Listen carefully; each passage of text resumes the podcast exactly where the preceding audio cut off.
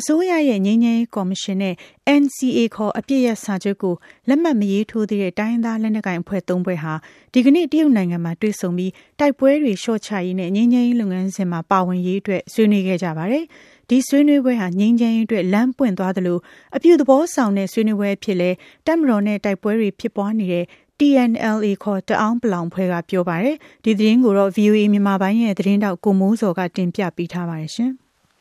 ဟုတ်ကဲ့အစိုးရရဲ့ငြိမ်းချမ်းရေးကော်မရှင် PC ဟာ PSLF TNLA ခေါ်တအန်းပလောင်တပ်ဖွဲ့ MNDAA ခေါ်ကိုကန့်တပ်ဖွဲ့ AA ခေါ်ရခိုင်တပ်ဖွဲ့တို့နဲ့တရုတ်နိုင်ငံကူမင်းမြို့မှာဒီကနေ့မနက်၈နာရီခွဲလောက်ကစတင်ပြီးတနာရီကျော်ကြာဆွေးနွေးခဲ့တာဖြစ်ပါတယ်။အဓိကဆွေးနွေးဖြစ်တာတွေကိုဆွေးနွေးပွဲမှာပါဝင်တက်ရောက်ခဲ့တဲ့ PSLF TNLA ခေါ်တအန်းပလောင်တပ်ဖွဲ့ကပြောရေးဆိုခွင့်ရှိသူဗိုလ်မှူးတာ့အိုက်ကျော်ကအခုလိုပြောပါတယ်။“ ငြိမ်းချမ်းရေးဖြစ်စဉ်မှာဒီတဘက်နဲ့တဘက်အမြင်ချင်းဖလှယ်တယ်။အဓိကတော့ဒီတိုက်ပွဲတွေလျှော့ချဖို့ကိစ္စတွေငြိမ်းချမ်းရေးဖြစ်စဉ်မှာဆက်လက်ဆောင်ရွက်ဖို့ဒီရှေ့လျှောက်တွေ့ဆုံဆွေးနွေးမှုတွေပိုပြီးပြည့်စုံတဲ့အကြောင်းပေါ့အဲ့လိုမျိုးဆွေးနွေးဖြစ်ပါတယ်။နောက်ဆုံးတော့ဒီရလကတော့နောက်ပြန်လည်တွေ့ဆုံဖို့နောက်တစ်လပေါ့နော်နောက်တစ်လပြန်လည်တွေ့ဆုံဖို့နှစ်ဖက်ကတဘောတူထား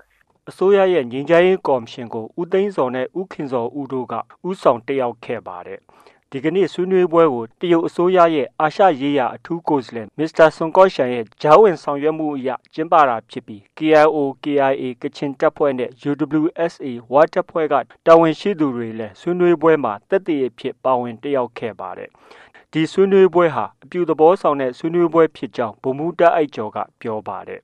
ဒီအပြုသဘောဆောင်တဲ့ဆွေးနွေးမှုဖြစ်ပါတယ်။ဒါဆိုတော့ဒီနောက်နောက်ပြီးဒီဆောင်မှုတွေ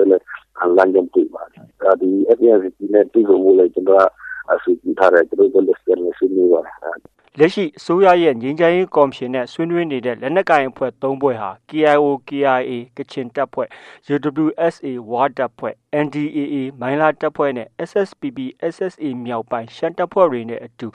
FPNCC ခေါ်ပြည်ထောင်စုငြိမ်းချမ်းရေးဆွေးနွေးညှိနှိုင်းရေးကော်မရှင်မှာပါဝင်တဲ့အဖွဲ့တွေဖြစ်ပါတယ်။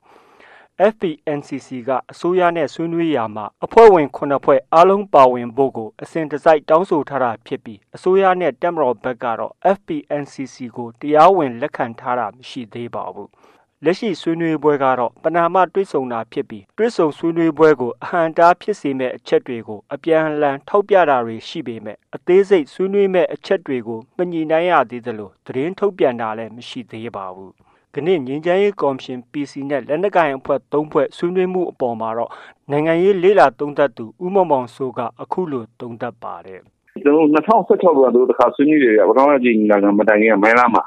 ဒီသုံးဘက်အနေနဲ့ လက်နက်ကိုင်ဒေါ်လာရင်းကို စွန့်ရမယ်ဆို statement တစ်ခုထုတ်ခိုင်းတယ်။အဲ့တော့ ဟိုသုံးဘက်ကတော့ ပြန်ထုတ်ပြီးတာကတော့ လက်ရှိပြပခါတွေကို နိုင်ငံကြီးနဲ့ ဖြစ်ရှင်းမယ်ဆိုပြီးတော့ ပြန်ပြီးတော့ ကြေညာချက်ထုတ်တယ်အဲ့တော့မပြေမလည်ဖြစ်ပြီးတော့ ဆက်မတွဲပြစ်ဘူးပေါ့နော် အဲ့တော့အခုတစ်ခါတွေ့တဲ့ခါမှာလဲပစ္စည်းဘက်ကတောင်းဆိုမယ်လို့ကျွန်တော်တို့သိထားတာတော့ဒီဟာကိုစိတ်နဲ့ပြန်ထုတ်ပေးဖို့ပဲနော်အဲ့တော့ဒီစကလုံးဟောအသုံးလုံးနဲ့ပတ်သက်ပြီးတော့ဘလို့နားလည်မှုယူပြီးကြော်ဖြတ်မလဲဆိုတာတော့အရေးကြီးမယ်ထင်တယ်အဲ့ဒါကိုကြော်ဖြတ်နိုင်မှဒီနောက်ဆက်ဆက်သွားလို့ရမယ်လို့ထင်တယ် တတိယအကြိမ်ပင်လုံအစည်းအဝေးအပြီးမှာတော့ KIO KIA ကချင်တပ်ဖွဲ့ဟာ အစိုးရငြိမ်းချမ်းရေးကော်မရှင်နဲ့တစ်ကြိမ် တပ်မတော်ကိုယ်စားလှယ်အဖွဲ့နဲ့နှစ်ကြိမ် တွေ့ဆုံဆွေးနွေးခဲ့ပေမဲ့ သဘောတူညီချက်ရရှိကြောင်း ထုတ်ပြန်တာ မရှိသေးပါဘူး။ပြီးခဲ့တဲ့ ဇူလိုင်လက ကျင်းပတဲ့ တတိယအကြိမ်ပင်လုံစည်းဝေးမှာတော့ FPNCC အဖွဲ့ဝင်9ဖွဲ့ကို နိုင်ငံတော်အတိုင်ပင်ခံပုဂ္ဂိုလ်နဲ့ တပ်မတော်ခေါင်းဆောင်တွေက၄ဘွဲနဲ့ တစ်ကြိမ်၃ဘွဲနဲ့ တစ်ကြိမ်တိကျစီခွဲပြီး ဆွေးနွေးခဲ့တယ်လို့ ငြိမ်းချမ်းရေးလုပ်ငန်းစဉ်မှာ ပါဝင်ရေးအတွက် ဆက်လက်ဆွေးနွေးဖို့ သဘောတူညီခဲ့ကြပါတယ်။ဒီလို သဘောတူခဲ့ပြီးနောက်ပိုင်းမှာ TNLA ခေါ် တအန်းပလောင်တပ်ဖွဲ့ AA ခေါ် ရခိုင်တပ်ဖွဲ့တွေနဲ့ အစိုးရတပ်မတော်ကြားမှာ တိုက်ပွဲတွေ ဆက်လက်ဖြစ်ပွားနေပြီး KIO ကချင်တပ်ဖွဲ့နဲ့လည်း တိုက်ပွဲတွေ ဖြစ်ပွားခဲ့ပါတယ်